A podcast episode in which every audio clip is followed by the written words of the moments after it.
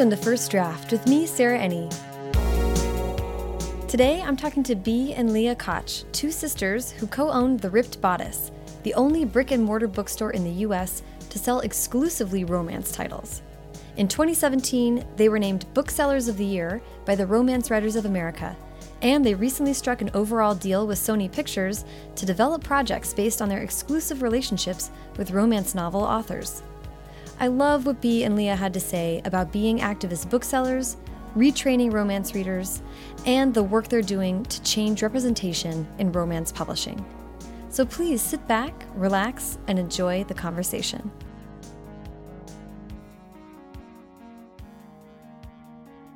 Do me a favor and introduce yourselves just so we know the difference in your voices, please. I'm Leah Koch, And I'm Bea Koch. and we are the owners of the Ripped Bodice bookstore, and we're here in Culver City, California. We do sound remarkably similar. Sure do. we like to answer each other's Yeah, phones it's and a see how game long we it play takes our with our dad, to figure it out. Sometimes he's really on it, and sometimes he just doesn't know. A lot of times he's not, though. And That's it's funny. so hilarious. Yeah. That's like a little superpower. Yeah. Family superpower. Um, to get started, I'd love to hear about where you were born and raised. Wow. We're going way back, really and then we're gonna fast forward. It's important, too, for us. That's really that's funny because like everyone starts at the like birth of the store. They don't care about the birth of us. Um, okay, we were born and raised in Chicago, Illinois, uh, in a neighborhood called Lincoln Park, and we love Chicago a lot and considered opening the store there for. I don't know, a brief amount of time. um, And we grew up with the classic Chicago bookstore, Women and Children First, which Awesome. is so important for so many people, like us especially. Our mom was a stay at home mom, and she needed something to do with her three kids. We did various things, but Women and Children First was. I mean, it's a even regular- called Women and Children First. yeah, it's it, it was our first experience with a bookstore that's designed for a specific reader and not just their reading needs but like their life needs mm-hmm. and the bookstore serving as a community space for moms and women of all ages. I so distinctly remember going to events there as a child and that just being such an important place for us as kids Yeah, I mean- along with the park and the museums and all that but the bookstore itself being like a place we regularly went to Yeah, and it's interesting because I talk to a lot of people who feel that way about a library, or Mm-hmm. you know, like there's all all kinds of different book spaces. But I think it's very telling that you had one particular indie that was so. yeah, that's interesting. I mean, we did go to the library. we did and we wherever we were we always knew the local library that was a big thing with our mom Yeah. Yeah, I think I don't know, I think I mean it has somewhat to do with privilege and Mm-hmm. yes you know, we were lucky enough to have enough money for books and our and our parents I think also wanted us to build a library in our house, Mm-hmm. like a literal one.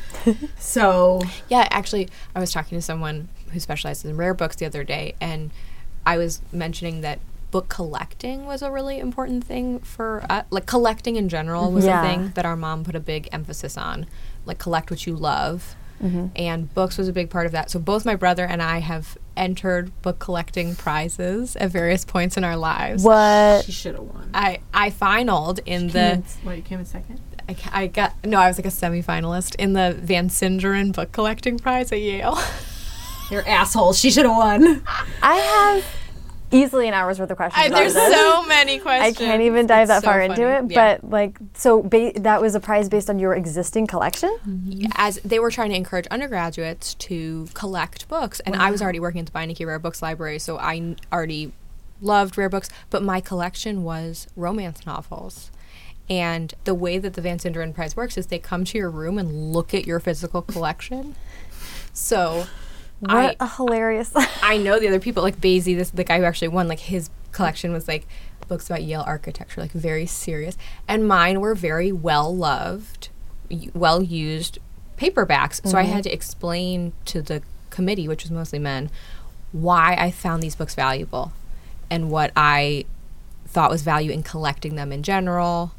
There are a couple of people in the world who are specifically collecting romance novels right now from between the wars, or even they have really specific parameters for what they collect. I can, Yeah. I could talk about this forever. I realize I've That's gone so off on a tangent. I'm Do sorry. not let us ramble. You No. have to like This bring will be us the follow up. You have to bring us back to the question. Yes. But that's fascinating. I mean, my favorite thing about the research I did for this interview was like just little tidbits learning about you guys was like, oh, it, it feels like looking back, like this was such an inevitable conclusion. Yeah. I, I do think in so many ways. Yeah. And I don't it's it's really interesting because I don't think we knew No, of that. course right. not. Well, no, you can't. No. when Yeah, well, your but own I mean life I think story. there certainly are people who you know dream of opening a bookstore when they're 10 and it, it and that wasn't us. I don't it just didn't but it does make sense in so many ways. I don't want to skip over though. I love that the ripped bodice is taken from the graduate, the thesis, right? Let's so let's do a little bit of that and then get to the genesis story of the of the starting the store. They're if you don't mind. really they're really connected. I was at graduate school at NYU. I was studying fashion history, which is always what I've wanted to study.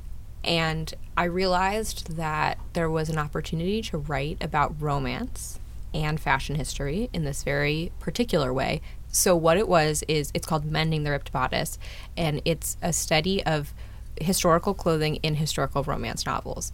So I was in my final year and I came to LA to visit Leah, who was at USC. And we were driving to the airport and we were talking about what we wanted to do with our lives. And That's we. as we do, we always talk in the car about our life choices. deep conversations yeah, while driving. um, yeah. Road trips are where we like plan out everything. Oh yeah. So it really happened in one conversation. We said, What do we want to do with our lives? We want to open a store. We'd have to sell books. If we're going to sell books, we have to sell romance.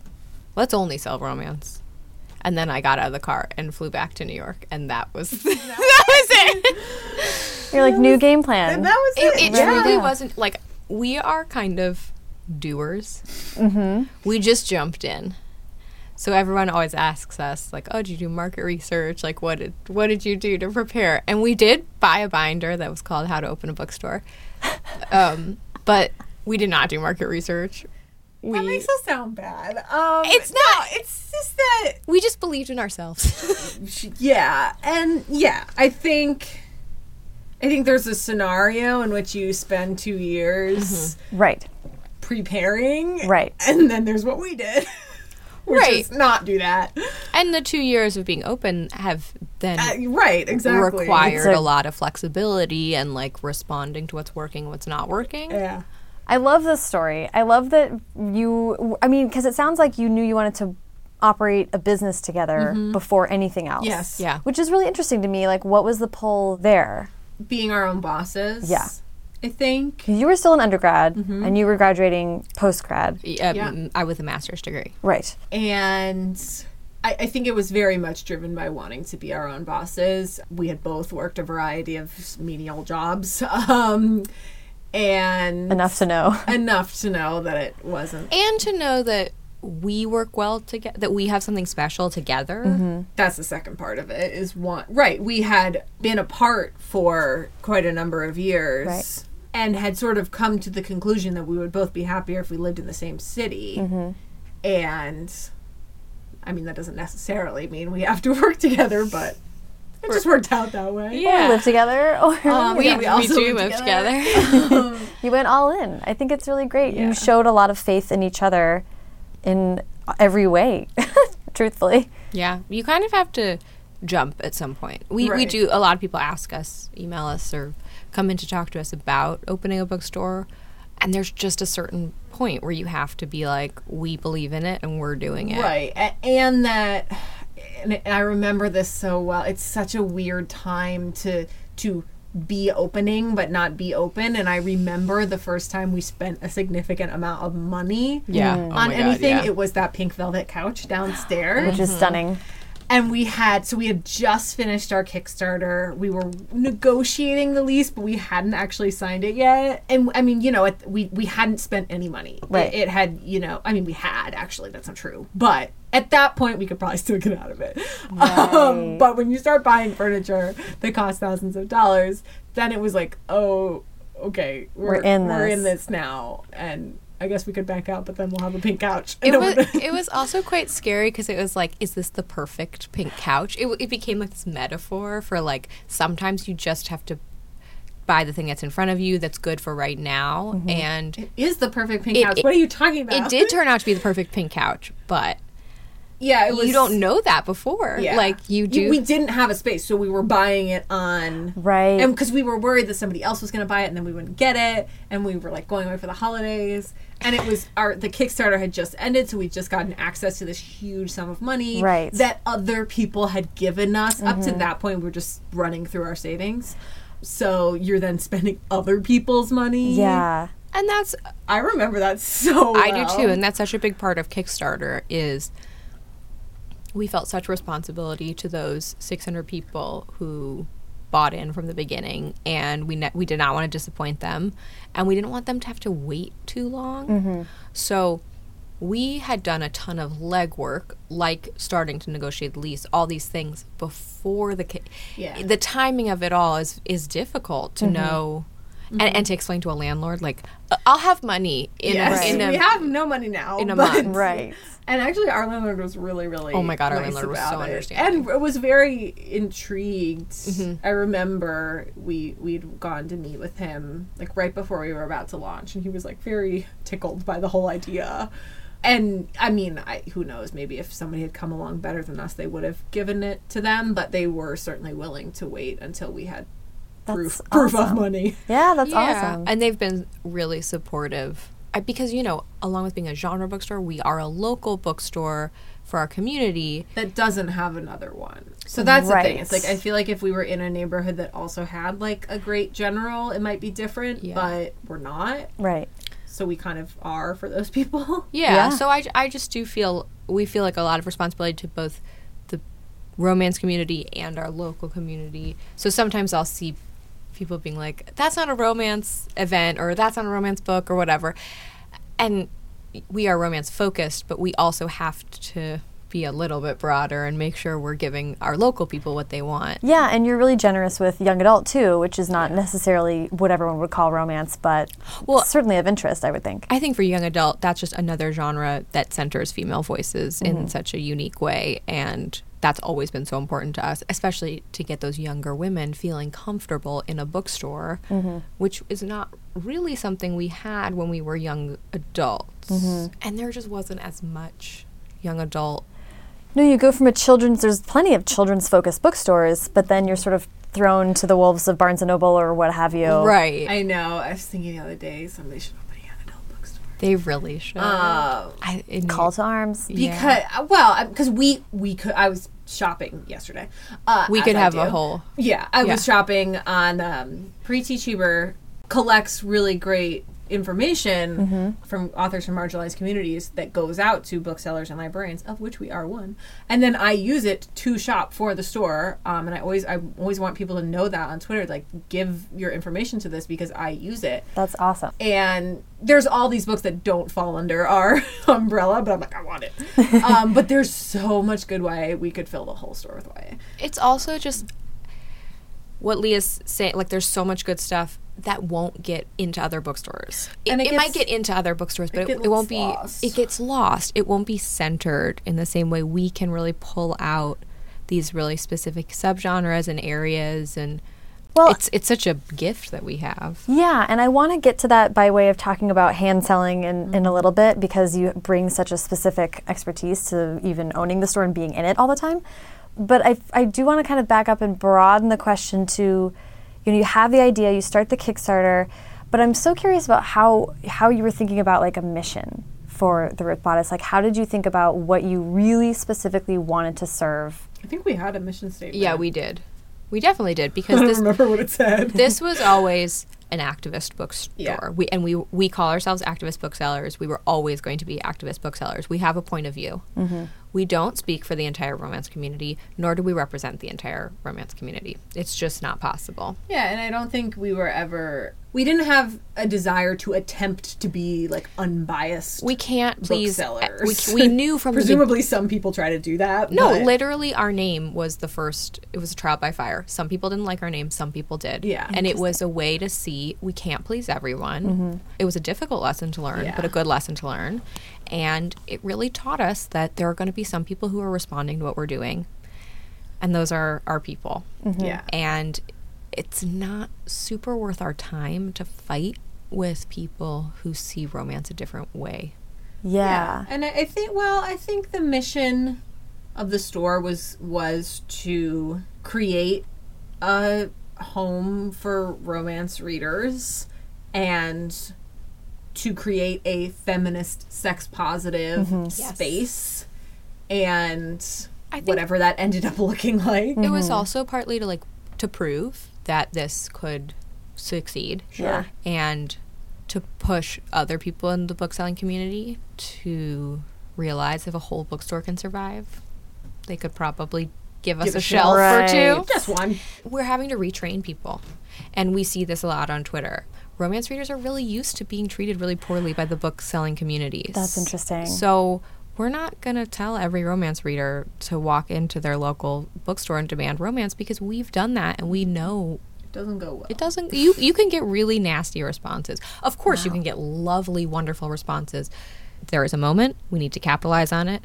People are expanding their romance sections. We're seeing it in Chicago at 57th Street Books. They just have got a romance book club, which is amazing. Cool. Greenlight in Brooklyn also mm-hmm. just started their romance book club with Ashley Ford running it, which is like insanely amazing. amazing. It does feel like that wouldn't have been yes, I agree. possible really i'm not giving us credit for that at all i think it's this moment and this realization that there's been this genre this whole time centering female voices and we really should give it another look I think it's bigger than that. I think it's a society wide reckoning women are people. great let's realize that Newsflash. We're making small steps. 2018 Re- extra, extra. Read all about it. Women have thoughts and feelings. yeah But it's also very um, okay. So there's a few a few things off of what you just said that I want to poke at, but I think it's part of a wave, right? Like I think you're right that women are being. It's like we've opened the door to this room where we've been talking about stuff the whole time, and finally some people are interested in hearing about it or having access to that space, which is really interesting. Um, and then particularly female storytellers. I mean, we see this in TVs and TV and movies as well. I think people are starting to understand that women have the ability to tell stories that are commercial, just as appealing to everyone as male storytellers do, if not more so. So I'm very excited about that and very happy that YA and romance are sort of both getting. If not more, it would be an excellent title for your memoir. Ooh, I like that. That is a good title But then I like, I really love what you guys are saying about sort of not worrying about being a general thing. You know, I could see you, I could see someone else approaching this concept and thinking like, then we'll open a branch in Tennessee, then we'll open whatever. But you guys were like wanting to be you, doing what you wanted to do, where you wanted to do it. I admire that you were like, we want this specific, and that's going to create like maybe more deep relationships with the people you serve as opposed to trying to be have like this broad appeal. Yeah, there are. There are. Not that you don't have broad appeal, by the way, but Um, just that and not that we won't expand. It's because we might. But but we'll still be doing what we're doing Right. we're not going to change it based on there are. where we are We serve a very a, a young, diverse, racially, financially, religiously, everything, everythingly group of customers. This store might look different if we were in, you know, a small town in Louisiana. right. right. But I think people say a lot romance is, is a feminist genre, which isn't actually, I think, what's going on. Because lots of people who write romance do not identify as feminist, nor do they identify their books as feminist. There are lots of feminists writing in the romance space. Mm-hmm. And I think recently it's become so much more mainstream to be writing your feminism into your books. Mm-hmm. And I think writing fe- romance has always been a feminist act mm-hmm. because it's women doing what they want to do. But that doesn't mean everyone in the romance space is a feminist or is a good feminist mm-hmm. or is an ally feminist or whatever you want to call it. So you have to pick and choose what you're going to care most about and that is what we care most about. We care most about portraying healthy relations mm-hmm. having books that portray healthy relationships that have strong heroines getting what they want, be that a happy ending or in our women's fiction section, maybe not. Mm-hmm. Can it, that was something I didn't know until I read a couple interviews with you guys that the definition of romance novels includes that there is a mm-hmm. happy ending. It's almost entirely limited to that. There's only one other piece of it. You only need two things to be a romance novel: a central love story Mm-hmm. and a happy ending. which I just That's it. w- As soon as I read it, I was like, of course. Like I knew no, that intuitively, it's- but why would you think about the technical definition of it if you weren't? But it's interesting right now, especially because we're seeing a lot of things that are technically romance being branded as non-romance or ex- or the other way around, or the other both, which does not go over very well in the romance community. Let me tell you, when they get to the end and there is not a happy ending, right? Um, because that's what they're looking for.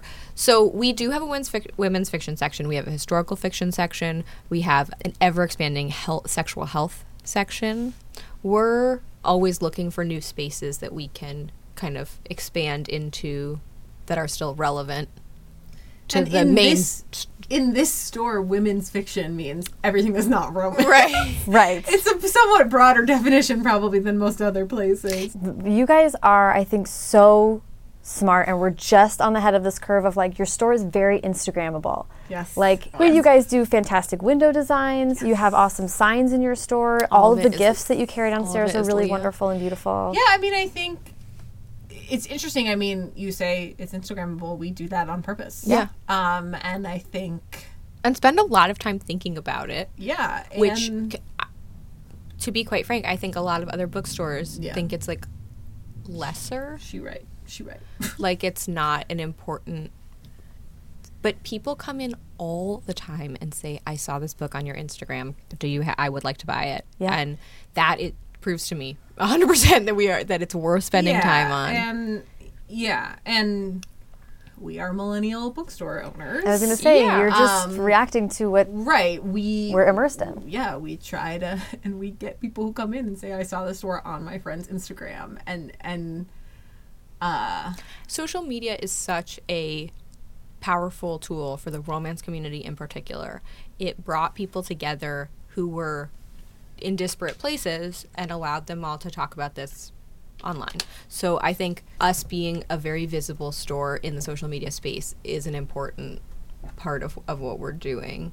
Um, And you're unapologetically feminine, and your uh, design and decor and Right. presentation. I mean, all of it is just like it just feels so safe and instantly recognizable to someone like me who's been reading my whole life and, lo- and loves these stories too. You know, it's just like everyone gets it. I think everyone who know who is gonna be there for you sees it and is like, oh my gosh. Well, I think that was the thing with the name. We have a sense of humor about this, as seriously as we take it, and we that's our whole lives. We take it incredibly seriously, but it's also fun, and love stories are fun and happy, mm-hmm. and we want people to feel happy when they're here and like they're having fun. So we have to balance all of these different things and making sure that we're taking it seriously and that mm-hmm. people understand that we love this genre and that we won't stand for people mocking it. Right. But having a sense of humor is always a good thing. Yeah. well yeah and and yeah exactly i think and that's part of the specificity i think that you guys have which is just i mean like you said having a point of view. It's so important. It makes you guys more relatable. It makes people i think feel really strongly about the store and want to talk about it with other people which is awesome the and i do want to while we were talking about the technology and social media and all that stuff i mean romance books have flourished so much with ebooks and reading it and sort of eliminating having to go to the store i think probably largely in part because of what you're talking about like attitudes of going into a store and asking for romance mm-hmm. hasn't always it's not always easy. So a lot of people i know read, read on kindle and just buy on and, and so how did you think about starting this brick and mortar store knowing that that was such an integral part of this particular community I think we have no problem coexisting with ebooks. What's the thing we always say? The Stephen Fry quote. It's uh we are stairs and ebooks are elevators. oh interesting Elevators did not put stairs out of business. no They essentially serve the same purpose. However, there are c- times at which you want one and times at which you want the other. I think it's a very apt metaphor. I like that. we also have and you know probably different than a lot of other independent bookstores we i don't like it when people shit on ebooks because when No. you shit on ebooks you're shitting on poor people and people with disabilities Right. and yes we want people to buy books but there are matters of access and cost Yeah. And Rural- they're- rural readers. Yeah, Exactly. And There's they're so still many- buying books. Like I, I do not agree that in denigrating any form of reading. It's so counterintuitive. Yeah, it seems so narrow-minded. Yeah, and there's yeah it's just it to us it's not a one or the other Uh, and I think to most romance readers, it's not a one or the other. Even people who read all the time on their Kindle, they come here to get cards, gifts, to come to our special events and get a signed book because that's a special thing. right yeah There's there's so many ways people can support us w- while also reading ebooks. Yeah, we hear we hear different things all the time. Whether it's I read this on my Kindle, so now I'm going to buy this hard copy for my friend or for my own keeper shelf, or I read it on my Kindle and I loved it. I want a signed copy, um, or just I like to read both, or I, I like to have all hardcovers on my shelf, and then these, so I'll get this one in hardcover. It's it's just uh, And I think we're seeing that a lot from a younger audience, which I think belies that myth that we're told that like millennials don't care about paper books. They really do. Mm-hmm. Yeah, there's some insane statistic that's like, God, I don't know where it's from, so it sounds like hogwash, but I remember everyone freaked out. That was like,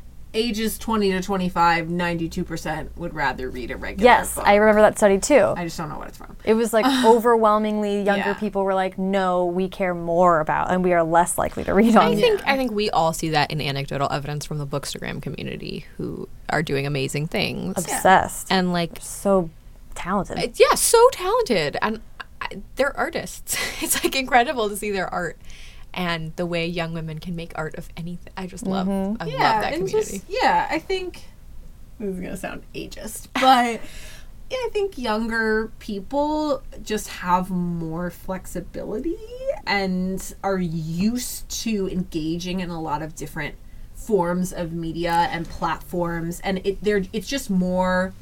It's not a big deal for them, and then older people are like, "But how can you read a real book and a book on a screen? How?" I think that's such a good point because it is like, who do you hear saying, "Oh, this is going to completely replace this one thing"? so- It's not young people who are like are sort of dynamically in the world, and that's like just sort of like I when I'm old, I'm only going to want things one way. Like yeah, that's of course. totally fine. say that all I'm already time. seeing myself on this trajectory, but young people are really dynamic with how they uh, live in the world. So yeah i just I- i mean i could i just see that as a difference between myself and older relatives it's just it's just a fluidity of interacting with the world Yeah. so whether whether that's it's literally like being able to google something on the fly and like just I, I don't know it's just it is a more and i think we are more connected mm-hmm. with all corners of the world because we yeah,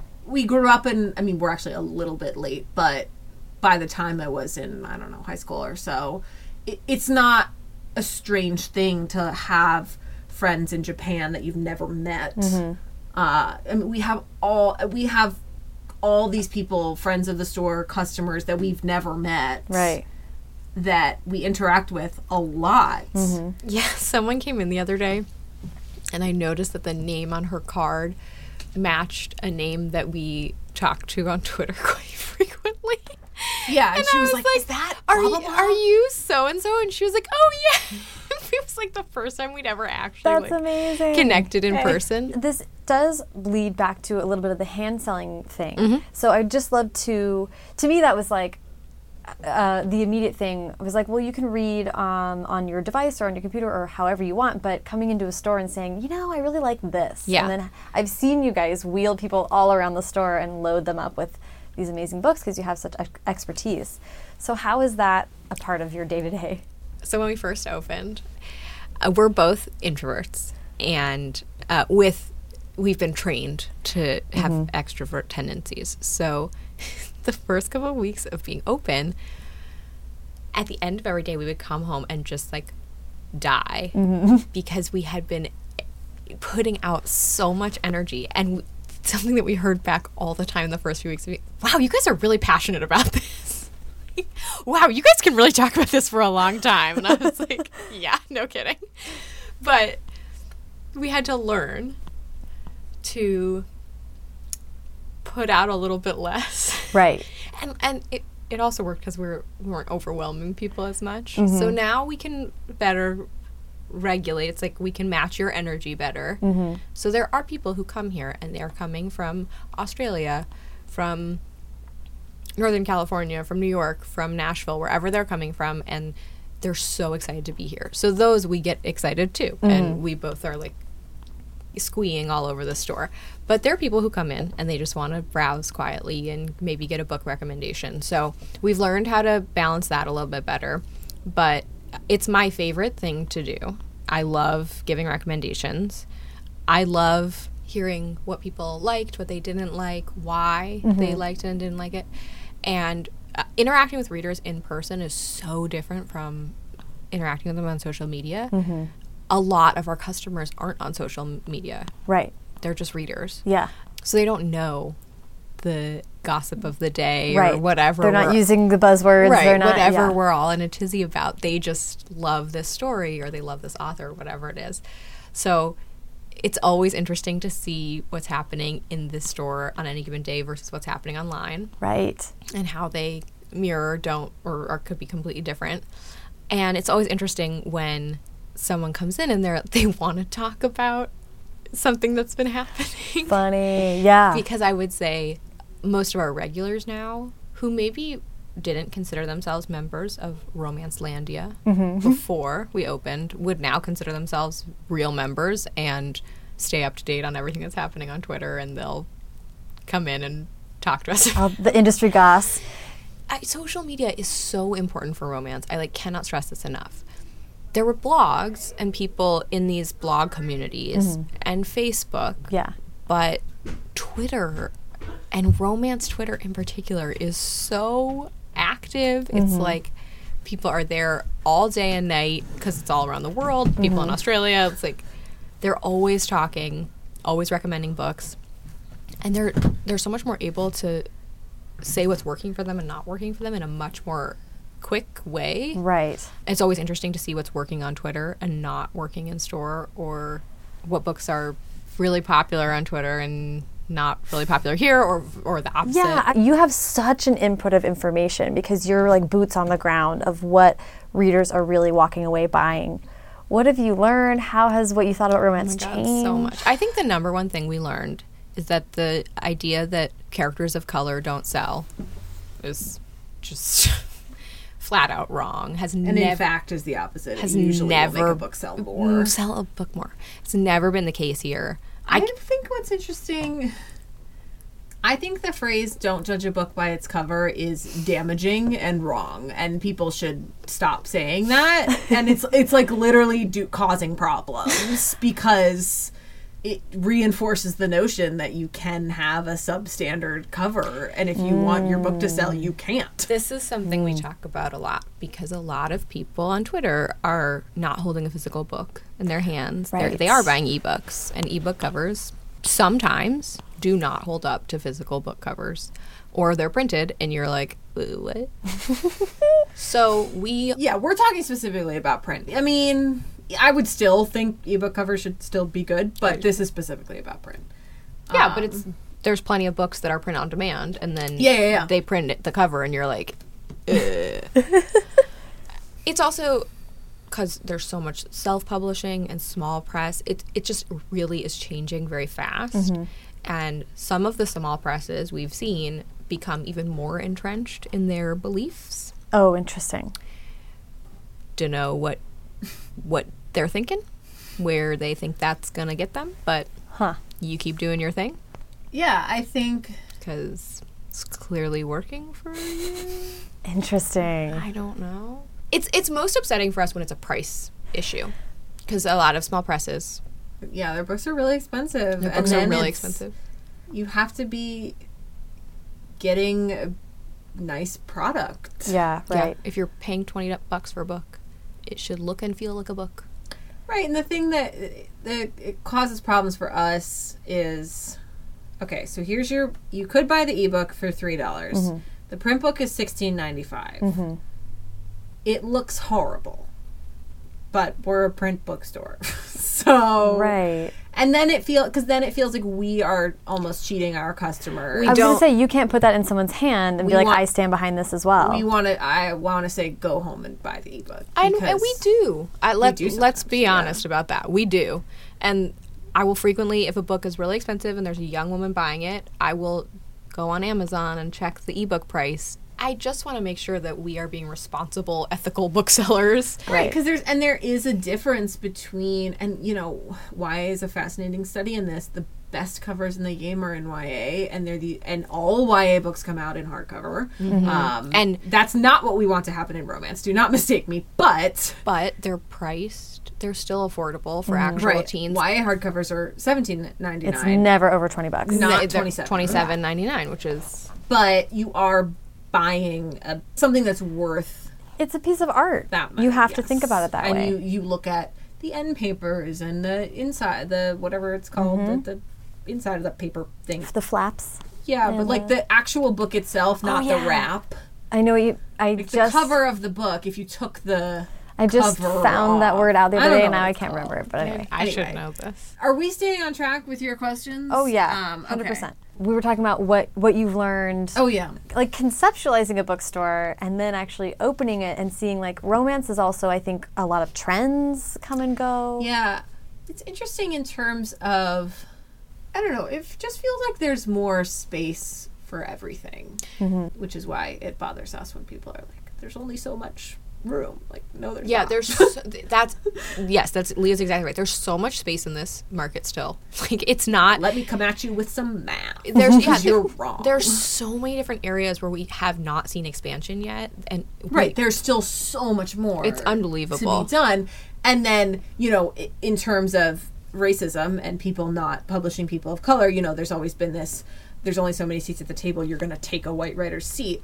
Okay, let me hit you with some math, because we do it.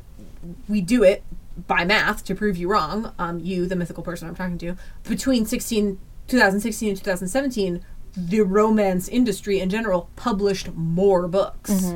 Um, we can track that. We keep track. Just less of them were written by people of color. So that theory somewhat falls apart.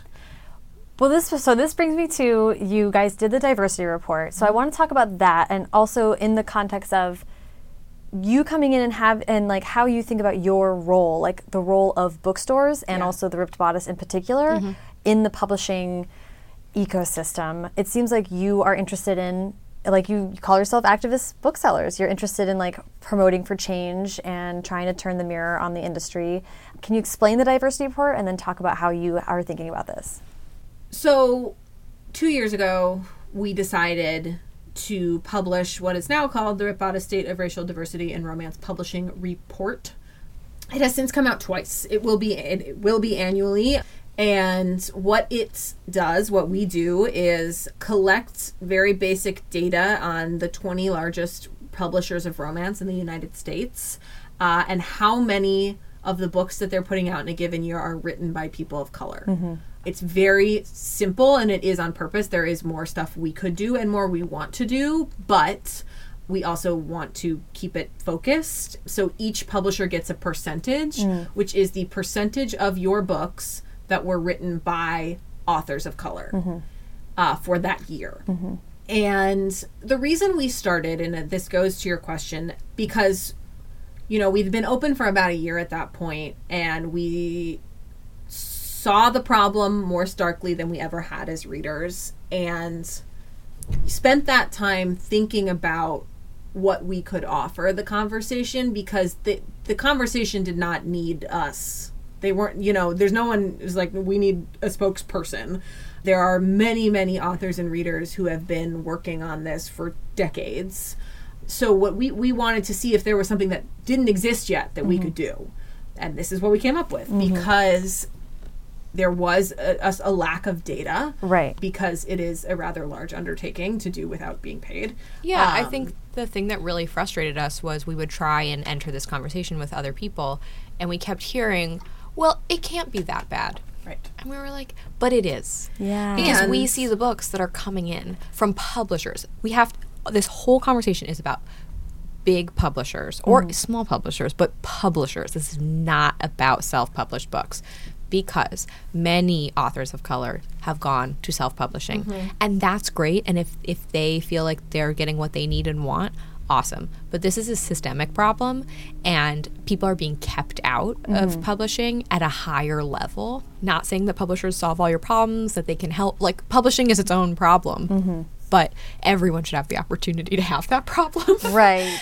um, right. and just because And the lack of data was allowing publishers Yes. to lie. Right. this is holding publishers accountable, which we will be completely frank, is not the most comfortable position to be in as Right. booksellers. That's a choice we've made. We're not asking anyone else to make that choice. But we just can't be a party to this continual f- putting our heads in the sand. Mm-hmm. Oh, it's not really a problem. Tokenization of the few authors of color who do rise to the top, who we adore and whose books sell amazingly, and we're, we love them. But that's you can't say you have won and move on. Like Right. this is not. Right. And It's 2018. what God damn it. bothered what in particular bothered me was the continual insistence that we're working on it and we are getting better. Yeah. Which I can prove through math is a lie. Yeah. Mm-hmm. It's also where is the impetus? We heard a lot about readers. If you're not putting out the books, how do you think the readers are going to find them? So, no.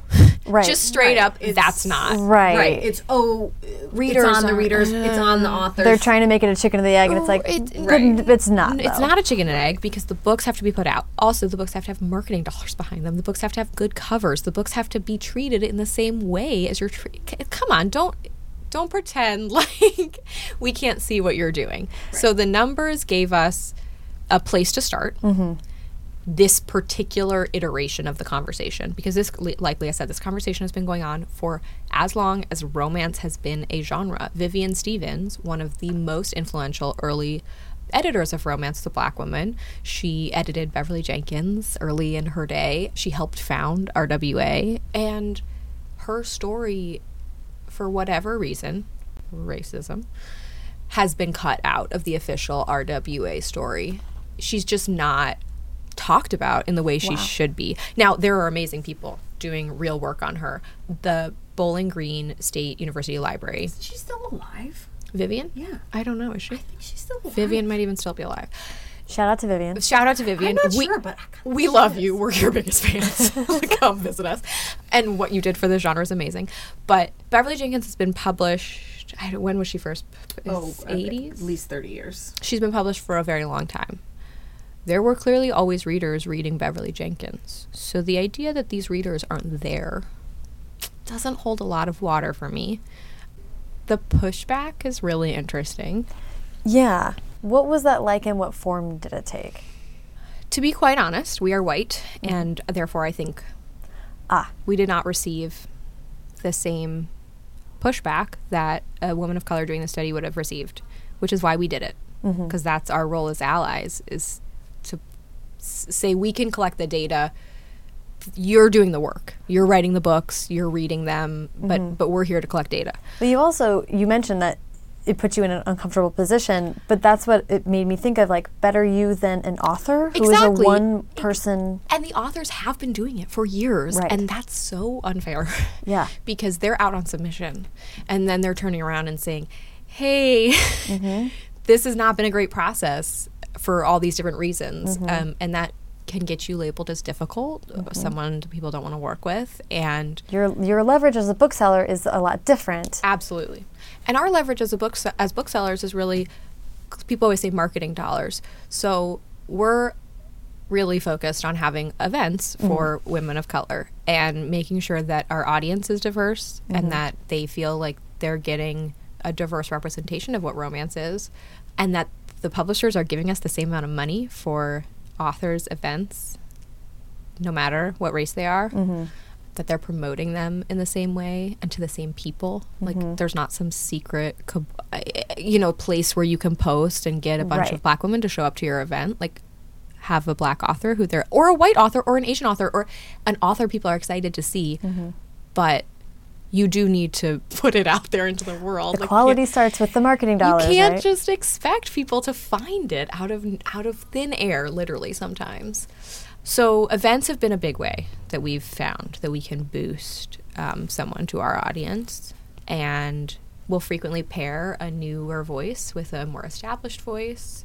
We try to do very few if any all white events we only really do them if it's one author or two authors Right. but even then we're far less likely to say yes to an event honestly. Yeah it's really about putting your mouth where your money is in this case when we give lists because people ask us all the time for recommendations mm-hmm. it's not about including one author of color it's about how about a list of all authors of color and maybe one white author if they fit the brief but there are always authors of color who fit the brief Right. and they shouldn't be like a last resort or a token inclusion Right. it should start from a different perspective we think Yeah. you asked, you know, how we see booksellers' roles in this. I it's very particular to us. I don't like I, I'm not going to speak for anybody else, but it's not really possible to not want to make it better, mm-hmm. I guess.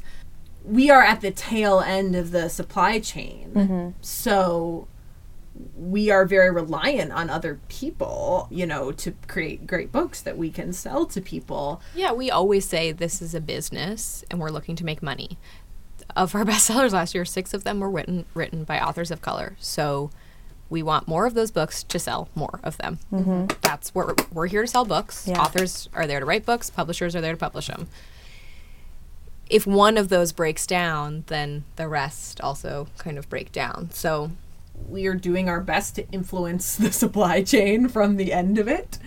By things like noting in the report our own sales numbers. Right. Thi- And things what- like that, the anecdotal evidence that proves the, Right. the market for this. Publishing is like such an old, weary industry, It and they hide behind the obfuscation of numbers. Like Yeah, there is so the little time. clarity to And also- numbers. This is the way it's always been. Like they're very entrenched in their ways. And there's a certain amount, we're young and spry. We've only been doing this for two years. We are we are fresh, um, and we have ideas about how to do it. And like on some level, fuck us. Like what do we know? Not to be, but like we haven't been doing this for 20 years, Right. But we have talked to people who have been doing for it for that long, and especially other genre bookstores like Mary Elizabeth at Mysterious Galaxies, these people who have really been pounding the pavement for years and making sure that the genre bookstores get the respect they deserve. We're just expanding that now. Genre bookstore getting respect and all authors getting respect in that genre bookstore. We're not we don't put authors of color in a separate section. Mm-hmm. That's not something we've ever done. They should be shelved in whatever subgenre they're included in. That goes back to the list thing. Mm-hmm. It's like if you're going to give a list of just authors of color, what is the thing that brings them all together other than that they're not white? Right. All their books are completely different. like, what does this have to do with that? And a reader of that, of a royal romance set in Zambia, might not like a contemporary baseball romance with a black hero. It's just because there's two people of color in them. It's a strange assumption. Yes. Doesn't really work with the romance reader who is very particular about what subgenre they're going to read. Right. Yeah, yeah, yeah.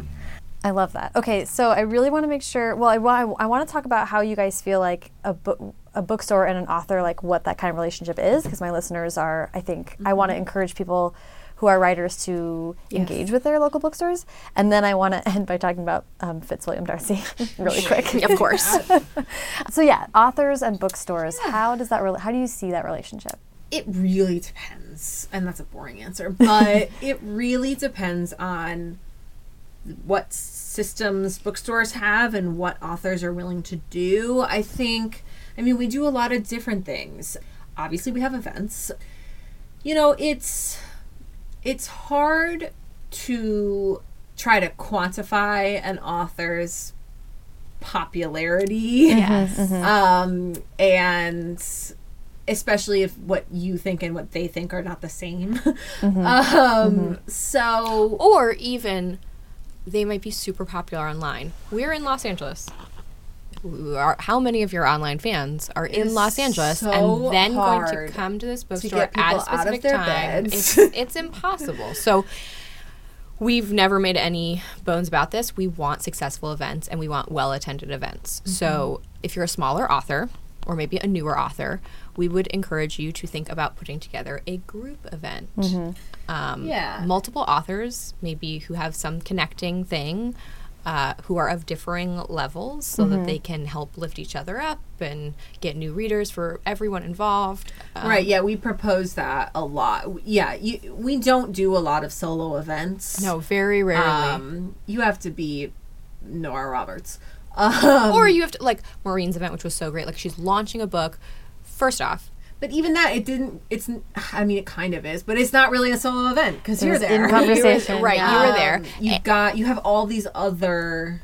and for building a relationship, but booksellers are just people. They know who comes into their store regularly, and just like anyone else, are far more likely to be interested in having an event if you are a member of their community. If you mm-hmm. go to other people's events, That's if true. you're supportive, if you're if you show that you're a good community member, then I think we're far more likely to want to Yeah. lift you up Yeah. And we offer sign books for a lot of local authors. Oh yeah, that's an amazing way. I saw someone, I think Dahlia Adler, because she is the best, said that order from the book launch bookstore. So Oh, yeah. if you have a favorite YA author and you see they're having an event, you can, you know, order a signed copy and they'll send it to you, which is what we do for most of our events. And we get tons of pre-orders depending on, on who it is, Mm-hmm. um, which is a great way to send the book to like all your family and Right. friends. and it's Right. it's if I mean I think it depends on what your goal is as an author. Yes. Um, in starting a relationship, like let's say like if you're not quite at the level yet where you can really pack a room for an event or you, you know a lot of authors really want to get their books on our shelves which we appreciate um, uh, we certainly l- appreciate that. We don't have room for everything. There's something to be said for demonstrating that there is an audience for your books. So if your books aren't quite on our shelf yet, if people if we see multiple people ordering them online, that's, you know, peeks into our brains like, "Oh, well maybe we should have this in the store." And and if somebody orders something online that we don't have in the store and I go to order it, it's then in front of my eyeballs and I say, "Oh, maybe I should get a copy of this for the store." Um and you know doing a signed books promotion if you can then demonstrate that Yes. there is Right. uh, some That bu- is a re- interest in your book That is Yeah. a really good way, c- especially if a bookstore comes back and says, "We don't think this is right for us right now." Can I do signed books with you? See if there's an audience in the t- in the city where we mm-hmm. are, in the town where we are, and then go from there. Is like an, a way to kind of That's such a good idea. Yeah. yeah because that's it. And- if you're local, it's really easy. We order the book, you come in, you sign it, we send it off. Yeah. yeah yeah i mean i think every author should hopefully have on their website in addition to their amazon links Local. a local indie they can buy it from And th- this goes back to that question of like indies and romance and how supportive they are or not of each other. But right i just meant authors in general yeah, not no, specifically y- romance y- You're exactly right. But for romance in particular, but it can be us for everybody yeah, it can be. But for for romance and YA in particular, I would say you want to show that you understand this particular market. So like sometimes people will pitch events to us that are like something that we don't really have a handle on, like the, something that's happening in the city, mm. and their event ties into it. So like if you can think of a tie-in, mm-hmm. if you can think of Right, yeah. and if Another you already have an idea for how to make your event different, so it's if you're just gonna send an email, I want to do an event. What do you got? Okay, well, that's probably not gonna work. If you send an e- email that says, "Here's my book. Here's when it's launching. I have. I want to be in conversation with this person, and I have this idea, or I want to do. A, I want to put together a panel, and here are my suggestions. or I have a friend who is uh, does a photo booth, so I want to have a photo booth Right. there. Like all those little touches. We're not saying you have to be a party planner. No. you don't have to. You don't have to plan your own event. No.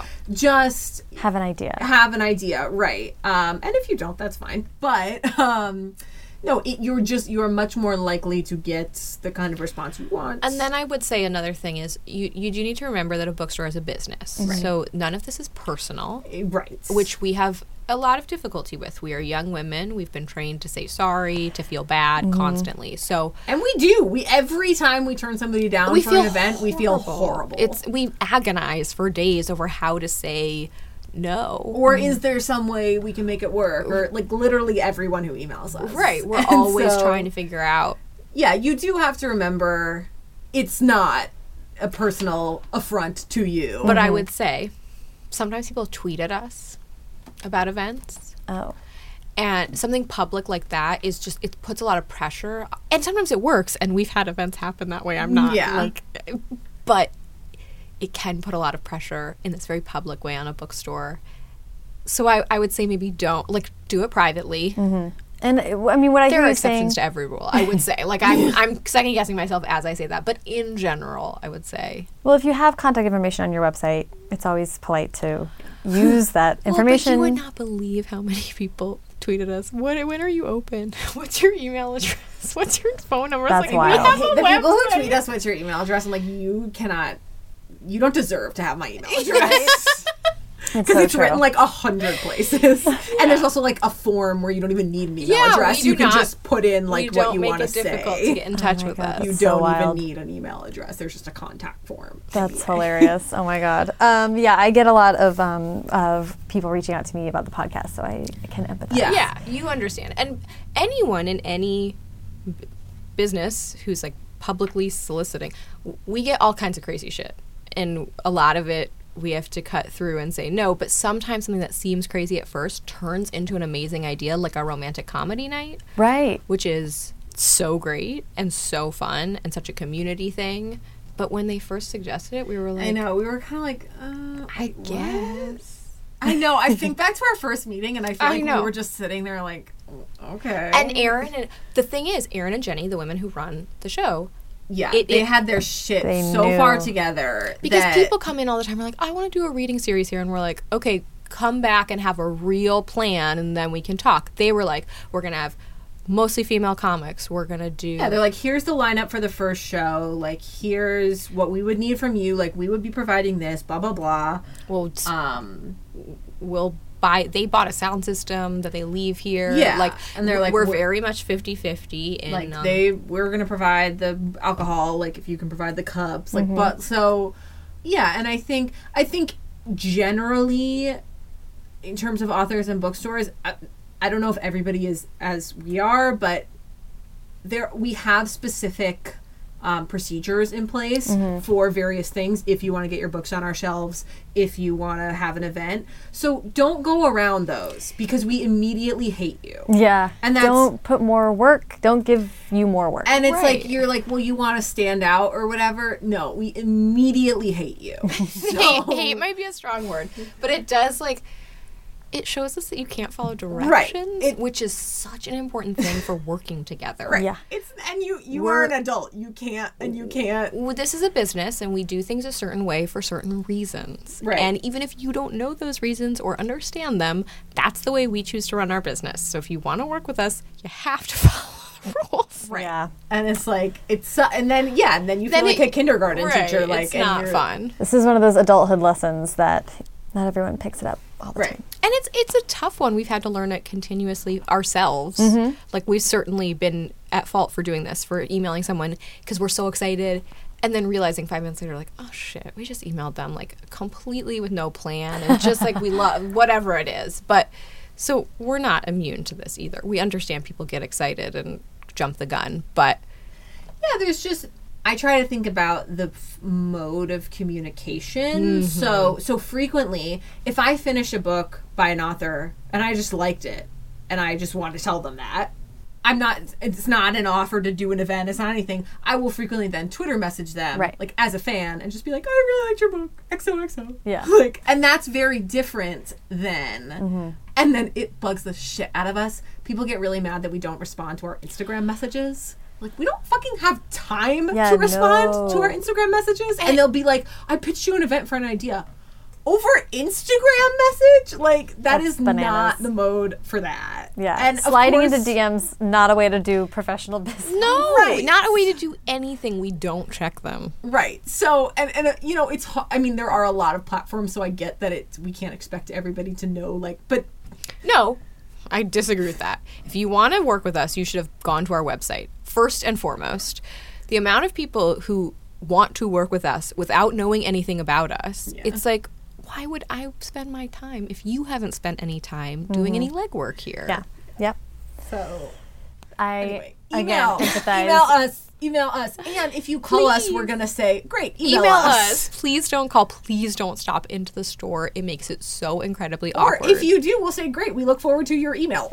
Yep. because it's just you know we need to that and that is how we do things and maybe people do more business over the phone or over twitter messages whatever we do business over email Yeah, that makes sense. Just to have the policy. yeah Okay, Fitzwilliam Darcy. Speaking of uh, very unique aspects of your store, Yes. you have a mascot. yes, but his name is Fitzwilliam Waffles. Th- That's right. his full and legal name is fitzwilliam waffles dds esquire Well, it's Fitzwilliam Waffles Koch. i guess we don't really ever use his last we name don't. i feel like i guess i don't know anyway yeah he's a dog He's a dog. Yeah, he is a, a one-eyed rescue dog. Yeah. Mm-hmm. Um, how did he come to be the mascot of the store? So I had uh, this is Bea. I'd always wanted a dog, and i made i mean it was kind of my fault it I- was so funny. Leah, yes, I it made- totally Leah's fault. well fault in that we didn't have one before Right. um i maintained that because we lived together and i have a cat and the cat already lived with us and i maintained that she couldn't get a dog until she moved out because the cat and the dog wouldn't get along which turned out to be true Yeah, but it's funny. uh, I'd just like to say uh, they do not like each other. it's kind of funny though. Anyway, so I was like, well, fine, you can get a dog, just move out. Um, So- which wasn't very nice, but and then it was like, well, what are we gonna do with them in the store during the day? So our friend across the street Yeah. was like, would you guys dog sit for a couple hours? right, Sasha. Sasha. So Sasha is the adorable Cavalier King Charles Spaniel.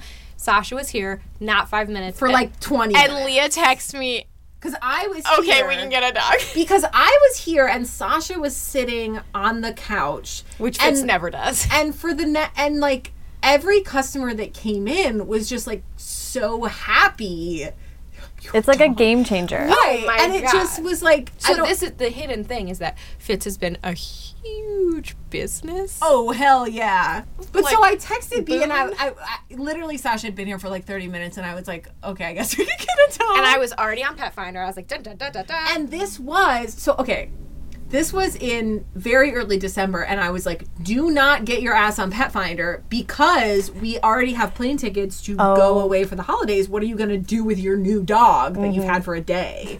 do not do this." She immediately starts sending me pictures of dogs. I was like, "Stop! What are you doing?" Okay, this was a Tuesday.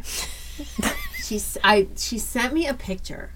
Also, we had talked about getting a big dog because we, which if you've met Fitz, he is the opposite of that. Um, because we had a dog growing up that was a little dog, and we just I don't wanted something different. We yeah, I thought wanted I wanted a big like a golden, mix. retriever. We just thought like it would mix be thing. fun.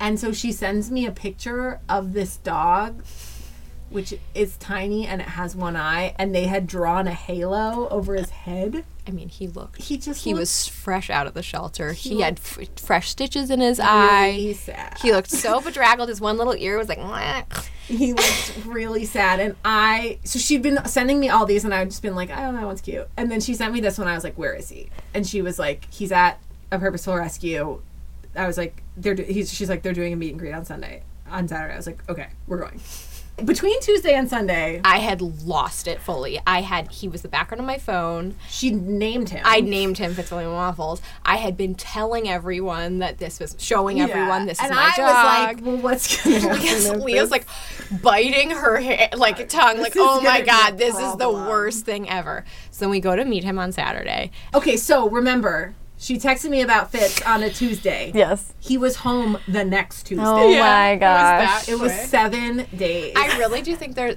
there's some like when you I know, did not you believe know. in that shit, and it really is. There's like a dog out there for you know. That's just- just... the perfect dog. Uh, So we went to get him on that Tuesday, and I brought him home.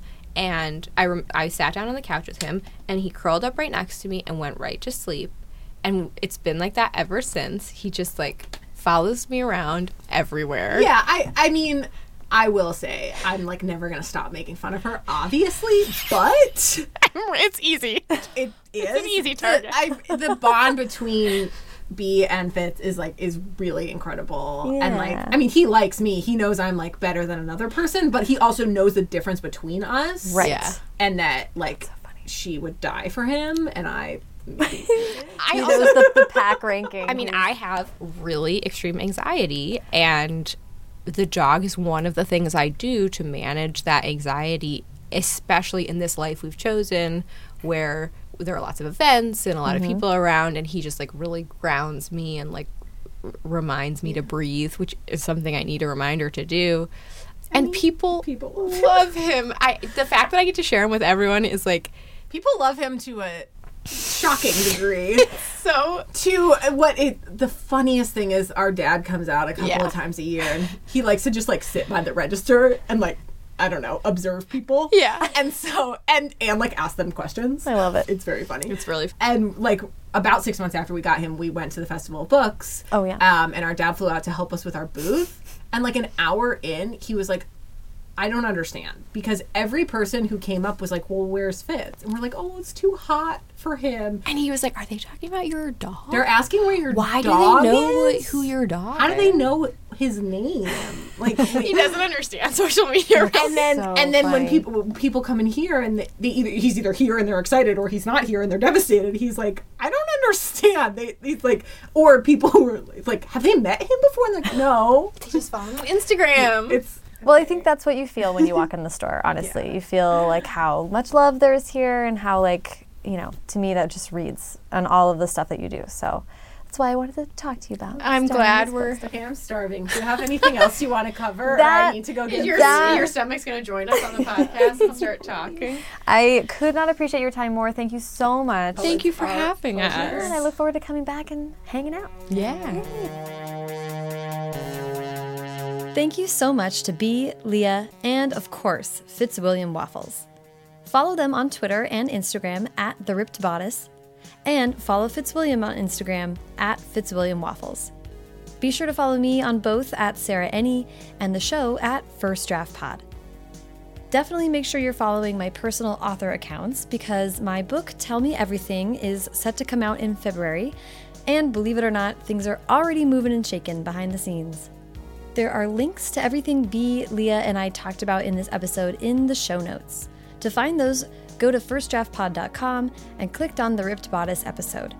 While you're there, you can sign up for my newsletter, check out the events page to discover where I will be hosting panels or speaking or appearing once the book starts coming out.